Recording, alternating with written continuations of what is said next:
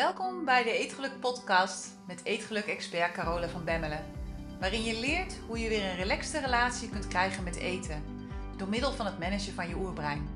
Zodat je voorgoed gaat stoppen met snoepen, snaaien, overeten en diëten. En weer trots bent op jezelf. Dag mooie vrouw, daar ben ik weer. En deze week staat er weer een ja, best of podcast uh, op de planning. Met andere woorden, ik heb wat um, ja, goede topics uit wat oudere podcasts heb ik uh, voor je geselecteerd. Zodat je een soort van samenvatting kan luisteren. En zeker voor de, voor de mensen die druk zijn is dat altijd erg handig. Maar ook als je alle podcasts al hebt gebinged of hebt geluisterd. En denkt van, oh waar ging het ook allemaal alweer over? Mijn ervaring is dat met name herhaling, herhaling, herhaling er uiteindelijk voor zorgt dat dingen dieper binnenkomen, dat kwartjes gaan vallen en dat ik ga begrijpen hoe dingen in elkaar zitten.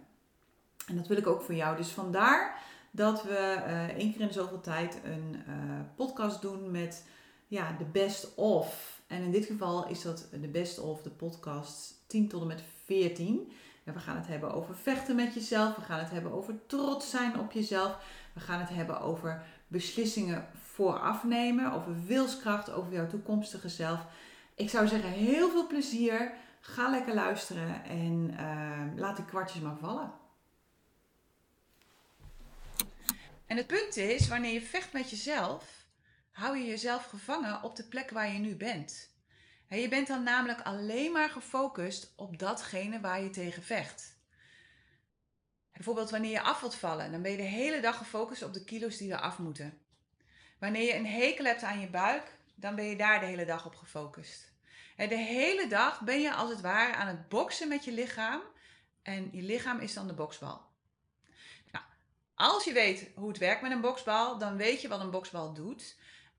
En dat, betekent dat als je er tegenaan slaat, dat hij naar je toe komt.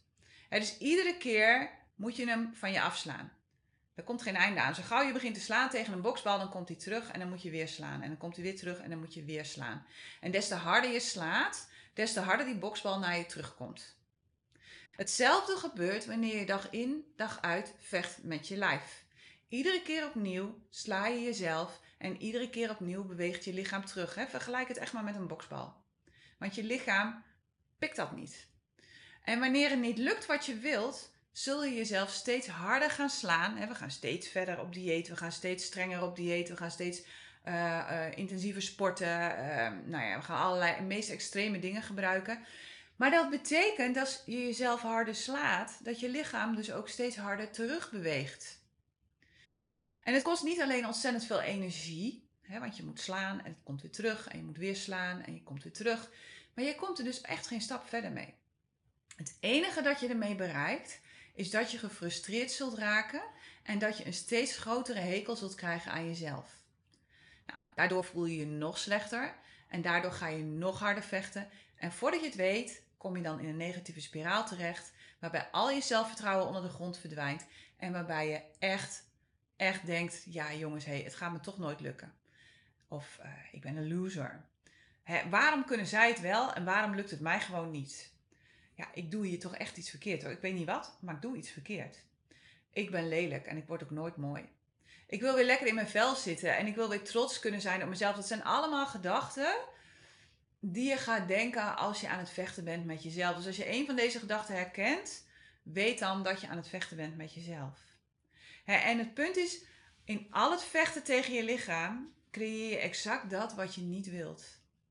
En namelijk dat je jezelf ongelukkig voelt en dat je niet lekker in je vel zit.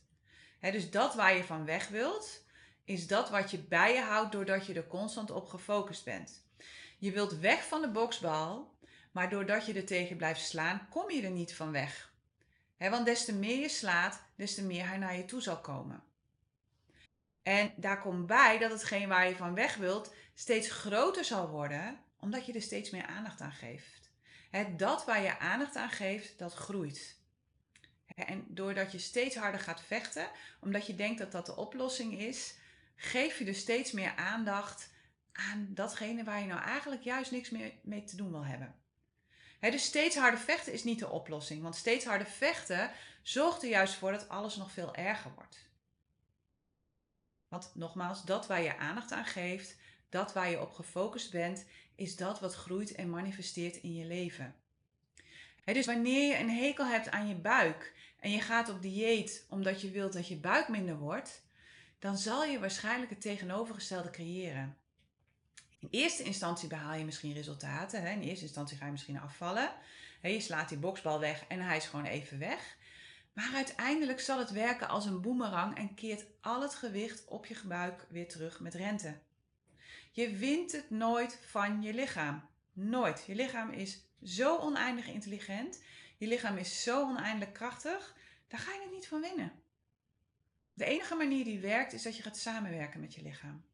dus van al dat vechten wordt je buik op de lange termijn niet dunner, maar dikker. Op de korte termijn misschien wel, maar op de lange termijn wordt hij gewoon dikker. En omdat je komt vanuit vechten met jezelf, ja, blijft dat hele systeem in stand. je bent als het ware in oorlog met jezelf. En wat je dan gaat doen is dat je gaat sporten, of dat je een boek koopt dat je garandeert dat je binnen twee weken al je buikvet eraf hebt. Of wat je ook doet, en dat zie ik ook veel vrouwen doen, is dat je expres de strakke kleding koopt. Zodat je iedere dag opnieuw je buik voelt. En daardoor hoop je dan minder te gaan eten. Nou, in de praktijk is het zo dat je die kleding gewoon niet aandoet omdat het niet lekker zit. je vergelijkt de hele dag jouw buik met die van andere vrouwen. Waardoor je ook steeds ongelukkiger gaat voelen. Maar ja, zij hebben wel een platte buik en jij niet. Of hey, hun buik is dunner dan die van jou. Of je draagt alleen nog maar wijde kleding zodat niemand jouw buik kan zien. De hele dag ben je bezig met vechten tegen en focussen op je buik. En je weet dat waar je op focust is dat wat groeit. Bovendien creëert vechten tegen jezelf emoties die niet goed voelen. Dus dat komt er ook nog bij. Daardoor wordt het steeds lastiger om je goede voornemens vol te houden. En daardoor blijf je boksen en bokst je lichaam steeds harder terug. En nogmaals, het is dus vecht, vechten tegen jezelf of tegen wat dan ook. Tegen de oerkrachten van je diepste instincten. nooit de oplossing. Ben je niet opgewassen. Door te vechten hou je de huidige situatie in stand. Hoe dat werkt. maak je hem alleen maar groter. Bovendien voelt vechten niet goed voor je oerbrein. Dus je hebt grote kans dat het ook negatieve effecten zal hebben op je eetgedrag. En je kunt een oorlog nooit stoppen door een nieuwe oorlog te beginnen. Gaat gewoon niet. Je kunt een oorlog alleen stoppen door te stoppen met vechten en door te omarmen wat er is, net als bij de boksbal. wanneer je omarmt wat er is, accepteer je wat er is en neem je de verantwoording voor wat er is. En vanuit die verantwoording kun je nieuwe keuzes gaan maken. dus de enige weg naar vrede met jezelf en naar vrede met de wereld is het herstellen van de verbinding met jezelf. want wanneer je komt vanuit verbinding met jezelf, is het mogelijk om echt te gaan kijken naar wat er nu is. Zonder oordeel.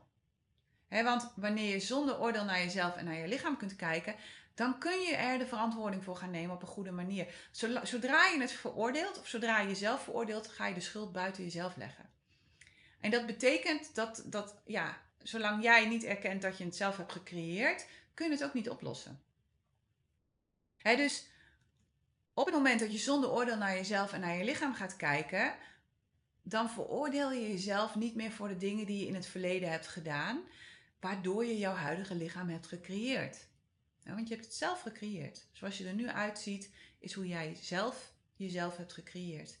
En wanneer je dat doet, dan wordt het mogelijk om te gaan stoppen met vechten, maar om te gaan vechten voor jezelf. dus niet met te vechten tegen jezelf, maar te gaan vechten voor jezelf dat is een heel andere energie.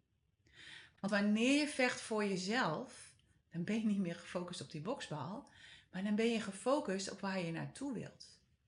Je gaat eten dan niet langer meer gebruiken om je goed te voelen, maar je gaat eten gebruiken om jezelf te voeden. Je gaat eten dan niet langer meer gebruiken om jezelf af te breken, maar je gaat eten gebruiken om jezelf op te bouwen. Je gaat kijken naar iedere dag weer van oké, waar wil ik naartoe? En datgene wat ik nu doe, draagt dat bij aan waar ik naartoe wil. dus eten is dan niet langer meer een vluchtmechanisme. Het is ook niet langer meer een vechtmechanisme. Maar het is iets dat je doet omdat je lichaam brandstof nodig heeft.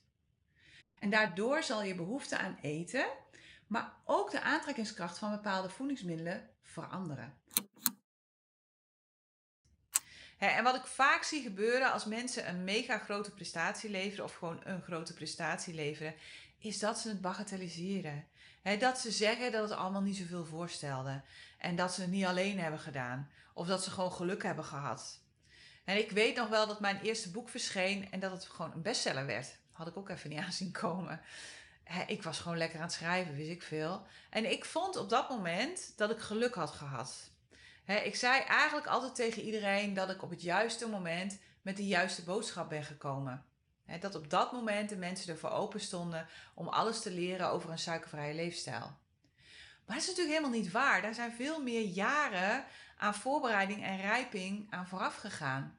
En want voordat dat geluk er was, voordat die bestseller er was, had ik een dik vet faillissement achter de rug.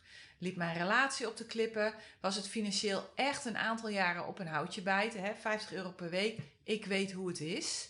En het waren jaren waarin ik voor een piepklein salaris flink wat uren draaide in de sportschool waar ik destijds werkte. En ik heb daar echt een toptijd gehad hoor. Het was echt fantastisch. Dus je hoeft helemaal geen medelijden met me te hebben. Maar financieel ging het echt allemaal maar net. Maar in die jaren, in die bikkeljaren, is wel het idee gerijpt van de Sugar Challenge. En in die jaren is de Sugar Challenge geboren in mij. En later ook geboren in de wereld.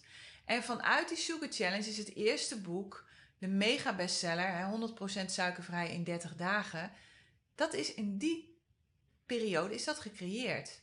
dus het was niet zo dat ik op het juiste moment de juiste boodschap had. Want er is heel veel aan vooraf gegaan. Want voordat het boek er was, heb ik minimaal vijf spannende jaren gehad. En dat zijn jaren waarin ik me als persoon heb ontwikkeld. Waarin ik studies heb gevolgd. Waarin ik cliënten heb begeleid. En waarin ik ja, eigenlijk zo ontzettend veel heb geleerd. Dat is allemaal de basis geworden van wat ik uiteindelijk in het boek heb geschreven. en ik heb de website gebouwd en het programma verder verfijnd op basis van alle ervaringen die ik in al die jaren heb opgedaan. In al die jaren dat ik eigenlijk een beetje onder de grond zat en uh, ja, zat bij te komen van alle avonturen van daarvoor. dus om dan maar te zeggen dat ik geluk heb gehad en dat ik gewoon met de juiste boodschap op het juiste moment naar buiten kwam, dat is eigenlijk toch wel heel vrij kort door de bocht. En daarmee doe ik mezelf ook echt tekort het kon een bestseller worden juist door alles wat ik de jaren daarvoor heb geleerd. en wat ik van mijn coach heb geleerd is dat het belangrijk is om af en toe eens terug te kijken naar je leven en naar alles wat je daarin hebt gepresteerd. En dat allemaal op te gaan schrijven voor jezelf. dat kan al zo klein zijn als leren lopen of leren schrijven of leren lezen. En voor een kind zijn dat mega prestaties. Voor een volwassene is het appeltje eitje. Niet voor alle volwassenen, maar voor de meeste wel. En is het heel normaal en vanzelfsprekend dat we dat allemaal kunnen. Maar voor kinderen zijn dat mega mijlpalen. Of zoiets als het uh, leren bespelen van een instrument of het behalen van je strikdiploma. God, god, ik weet dat we met Alicia zijn we een jaar bezig geweest om haar te leren de fetus te strikken. Op de een of andere manier pakte ze hem gewoon niet. En toen ze het eenmaal had, nou, ze was zo trots. Het was zo'n prestatie voor haar en denk ook eens aan het krijgen van je eerste baantje of het behalen van je eerste diploma. Of de eerste keer liefdesverdriet en daar overheen komen en denken dat je, dat je het nooit, je leven er nooit meer hetzelfde uit gaat zien. En dat, het, ja, dat je de rest van je leven alleen blijft en dat het echt, ja, dat het gewoon zo pijn doet dat je, dat je dat nooit meer gaat overleven. En vervolgens daar toch weer overheen komen. Weet je, er is zoveel dat je hebt gepresteerd, maar waar je nog nooit bewust bij stilgestaan hebt. En er zijn zoveel dingen waar je trots op kunt zijn. Dus maak vooral eens een keer die lijst en schrijf daarop alle dingen die je hebt gedaan om te leven, maar ook om te kunnen overleven. in die periode dat ik met 50 euro per week moest leven, ben ik heel creatief geweest. En ik had heel veel deeltjes met iedereen. Er waren mensen met een moestuin waar ik dan ging helpen en waar ik dan weer eten uithaalde. En zo had ik meer van dat soort deeltjes. dus Maak die lijst en ga eens kijken wat je allemaal hebt gecreëerd, waar je allemaal trots op bent. En ik, ja, weet je, ik, ik kan alleen maar heel trots zijn op mezelf. Ten eerste dat ik de 50 heb gehaald. En ten tweede ook als ik kijk waar ik nu sta. Hè, wat ik allemaal heb gedaan, wat ik allemaal heb bereikt, wie ik ben geworden als persoon. Hè, dus de persoon die ik ben geworden door deze reis, maar ook de persoon die ik ga worden als ik hiermee verder ga, dat is waar ik trots op ben. Het voelt voor mij echt als een nieuwe start, die 50. Het voelt voor mij echt als een nieuwe fase in mijn leven. Als de beste helft van mijn leven die nu gewoon gaat beginnen.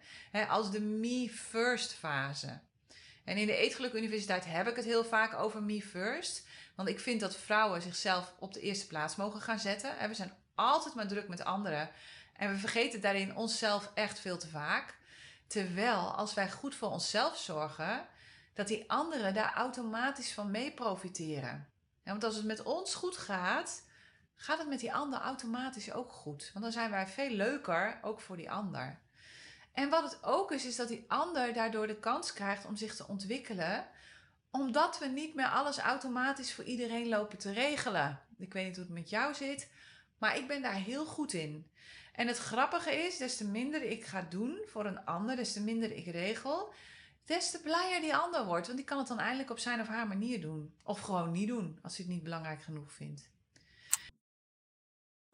En wanneer je niet weet hoe je jouw oerbrein kunt managen, hè, of wanneer je het wel weet, maar het niet doet, dan creëer je iedere dag opnieuw jouw toekomst gebaseerd op je ervaringen in het verleden.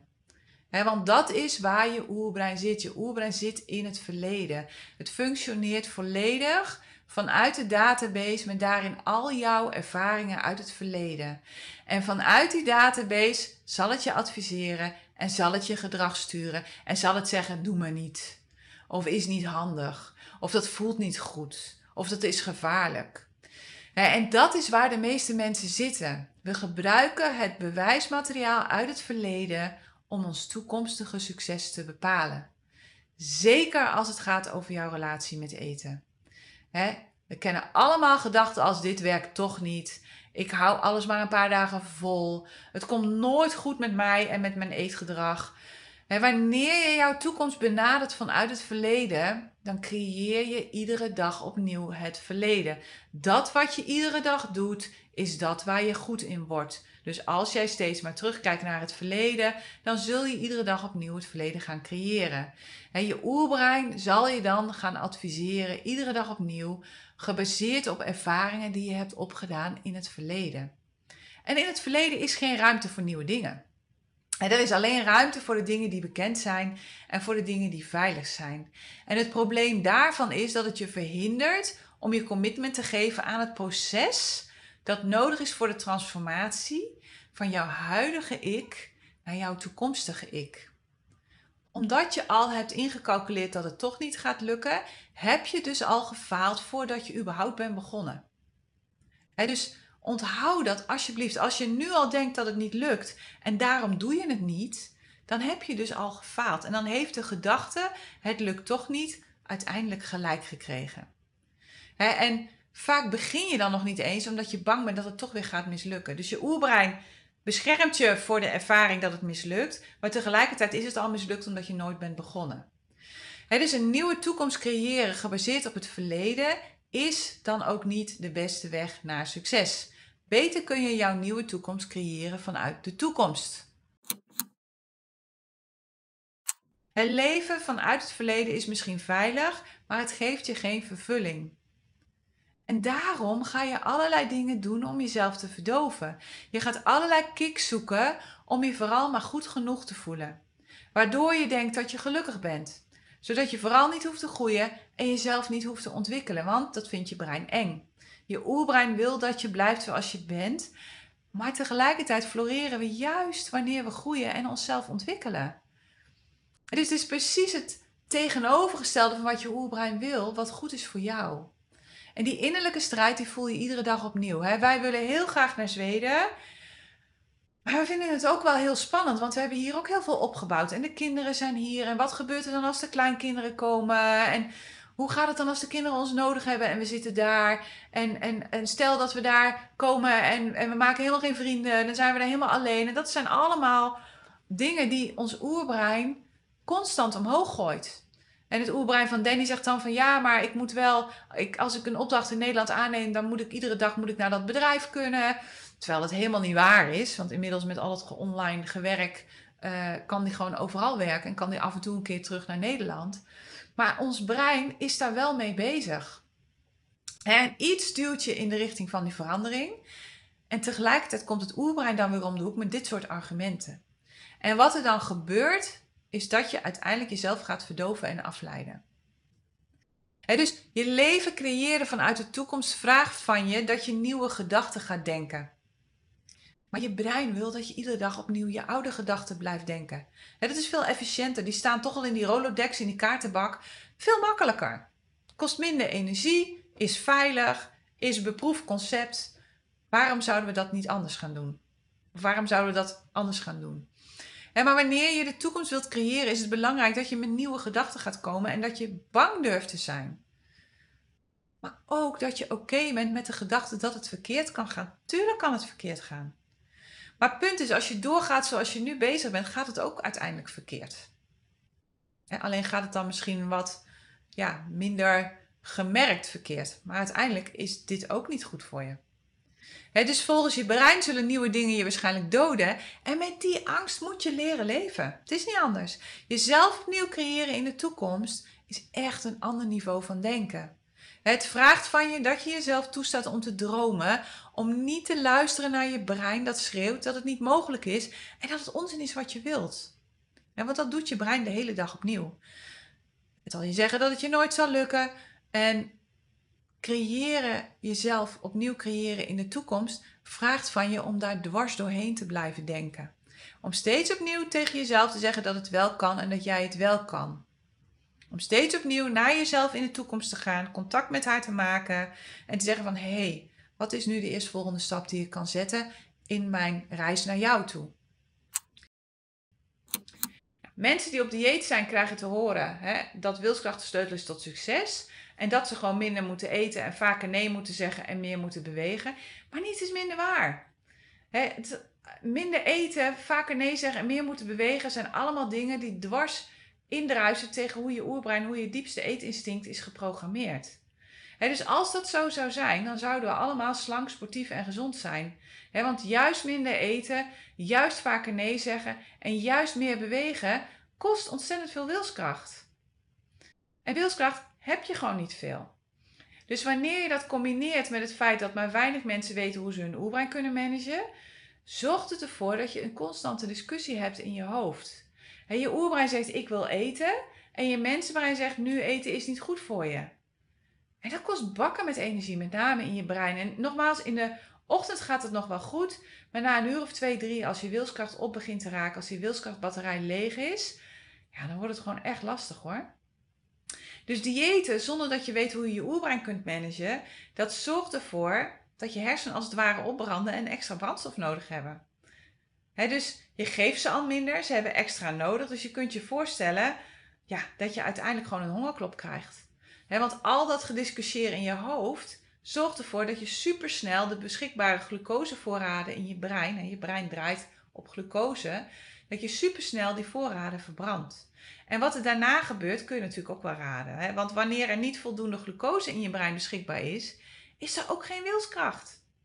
Want wilskracht heeft een constante aanvoer van glucose nodig. En waar geen wilskracht is, wordt zelfbeheersing echt wel heel moeilijk hoor. Dat geldt voor je eetkeuzes, maar het geldt ook voor je omgang met andere mensen. En niet voor niets zijn er tijdens het avondeten zoveel ruzies en irritaties. Iedereen is moe en de wilskracht die nodig is om fatsoenlijk en respectvol met elkaar om te gaan, die is gewoon op. En bovendien is het zonder wilskracht heel lastig om nog een fatsoenlijke maaltijd te koken. Of om niet de halve maaltijd al op te eten voordat je hem op tafel hebt staan. dus afhaal Chinees, pizza, patat wordt daardoor gewoon extra verleidelijk dus wanneer je een relaxte relatie wilt met eten, zijn er twee dingen in de basis heel belangrijk.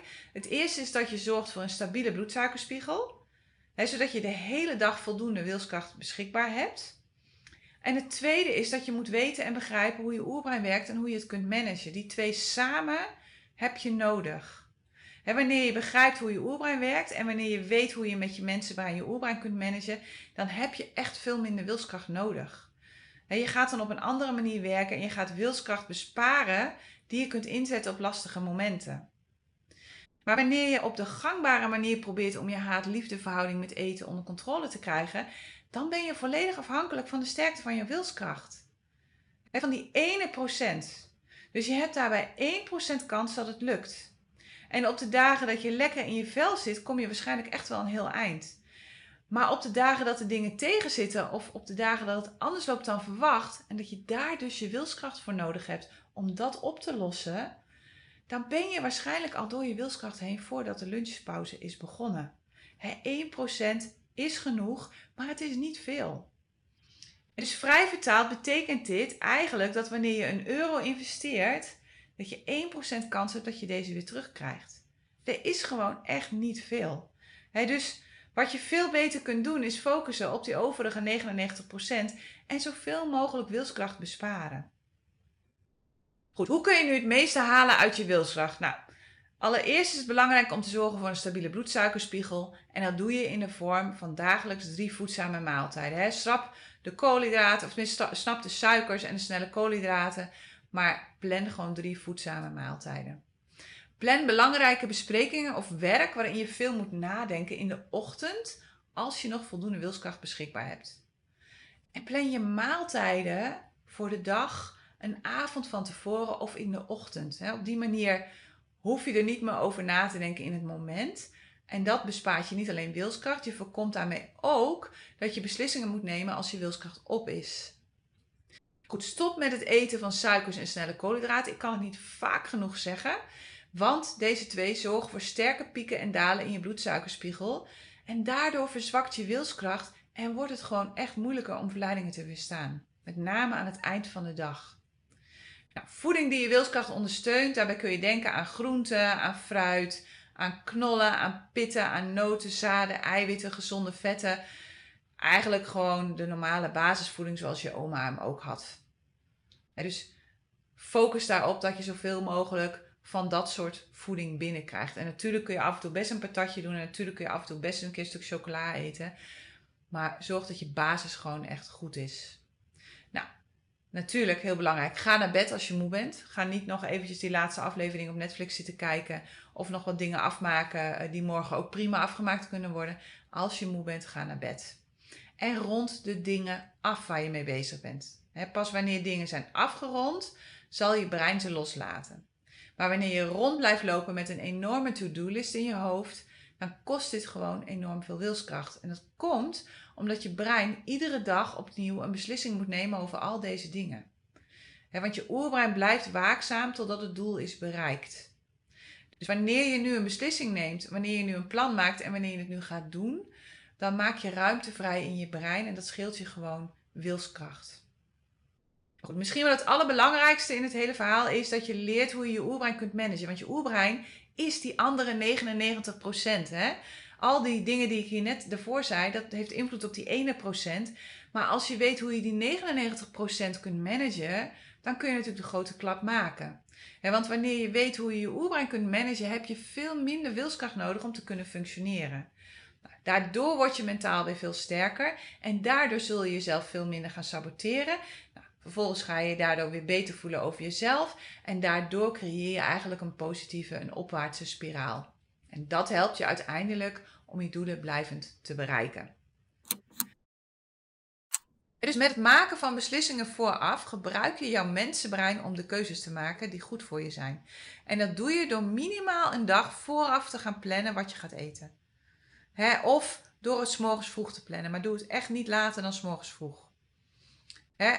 Of door bijvoorbeeld vooraf te bedenken hoe je je gaat gedragen in een bepaalde situatie.